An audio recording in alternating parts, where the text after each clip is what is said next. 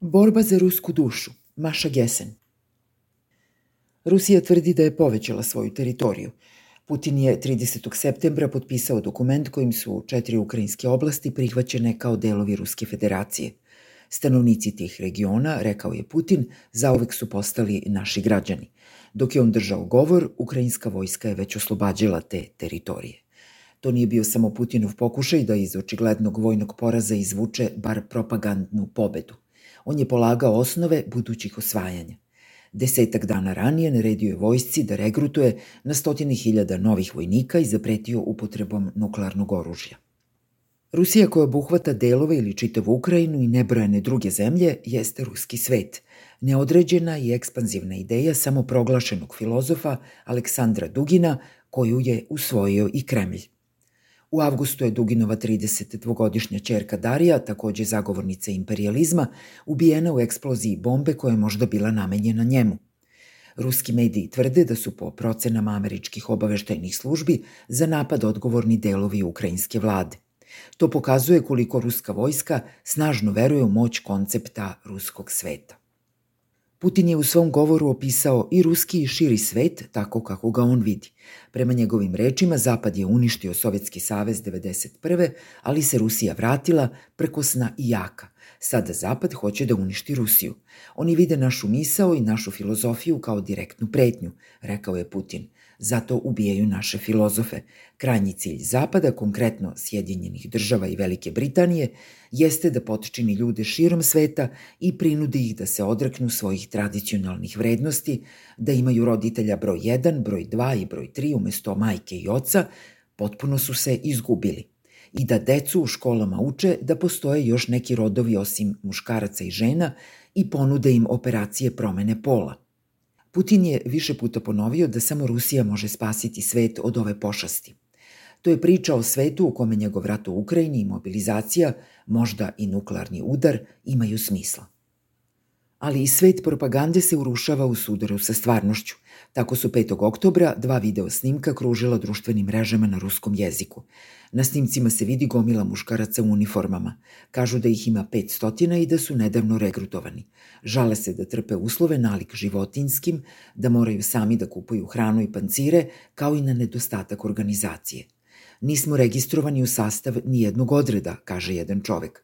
Imamo oružje, ali ono nam nije zvanično izdato.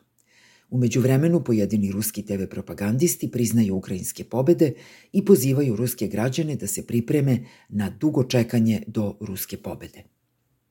Prerano je za pretpostavke u dubljim posledicama ovih malih naprslina u zvaničnoj slici rata, ali nije prerano razmišljati o tome kako bi mogla da izgleda vojno poražena Rusija. To radi Aleksej Navalnji, opozicioni političar koji od januara 21. služi zatvorsku kaznu. Nedavno je list Washington Post objavio tekst Navalnog koji je prokrijumčario njegov pravni tim, u kome on piše da Rusija zaslužuje da izgubi rat i da treba ponovo da se konstituiše kao parlamentarna, a ne kao predsjednička republika. To će, tvrdi on, obezbediti da niko više ne može da uzurpira vlast u Rusiji kao Putin. Tekst Navalnog nas je podsjetio na Putinov mudar potez držanja svog najvažnijeg političkog protivnika iza rešetaka. On može samo da nemo posmatra ogromne promene u Rusiji. Za sedam i po meseci od kako je Rusija pokrenula invaziju u punom obimu, na stotine hiljada Rusa napustilo je zemlju. Mnogi od njih su novinari, pisci, pesnici ili umetnici koji zajedno sa onima koji su još uvek u Rusiji pišu eseje, pesme, objavljuju postove na Facebooku i podcaste, dok pokušavaju da se izbore sa činjenicom da su građani zemlje koja vodi genocidni kolonijalni rat. Neki od njihovih ukrajinskih kolega su se podsmevale ovom užurbanom preispitivanju duše.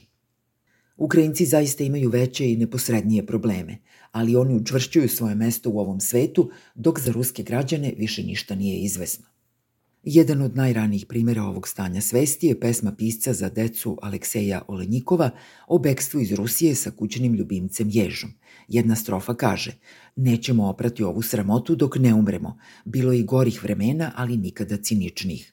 Objavljena na Facebooku, pesma je postala viralna u martu. U maju je to postala pesma glumice i pesnikinje Ženje Berković. Ona govori o mladom Rusu koga posećuje duh njegovog dede koji se borio u drugom svetskom ratu. Duh traži da ga unuk zaboravi, kako sećanje na njegovu hrabrost ne bi služilo pravdanju rata u Ukrajini. Trenutno je viralna pesma Ilaja bar Jahaloma, izraelskog ruskog jevrejna, napisana kao dijalog Boga i stanovnika Moskve koji se nada da će se jednoga dana vratiti kući. Neće uskrsnuti Buča, neće se podići Irpin, kaže Bog mislići na predgrađa Kijeva gde su ruske snage po svemu sudeći počinjile ratne zločine.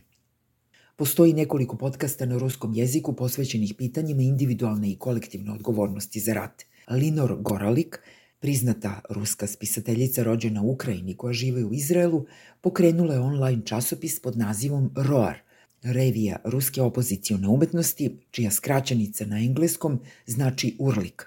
Do sad su objavljena tri broja. Poslednji put kada se na ruskom pisalo ovako povišenom grozničavom tonu bilo je kasnih 80-ih.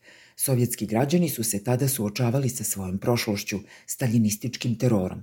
Taj trenutak je Rusiji između ostalog dao Memorial, organizaciju za ljudska prava, koja je zajedno sa ukrajinskim i beloruskim aktivistima početkom oktobra dobila Nobelovu nagradu za mir.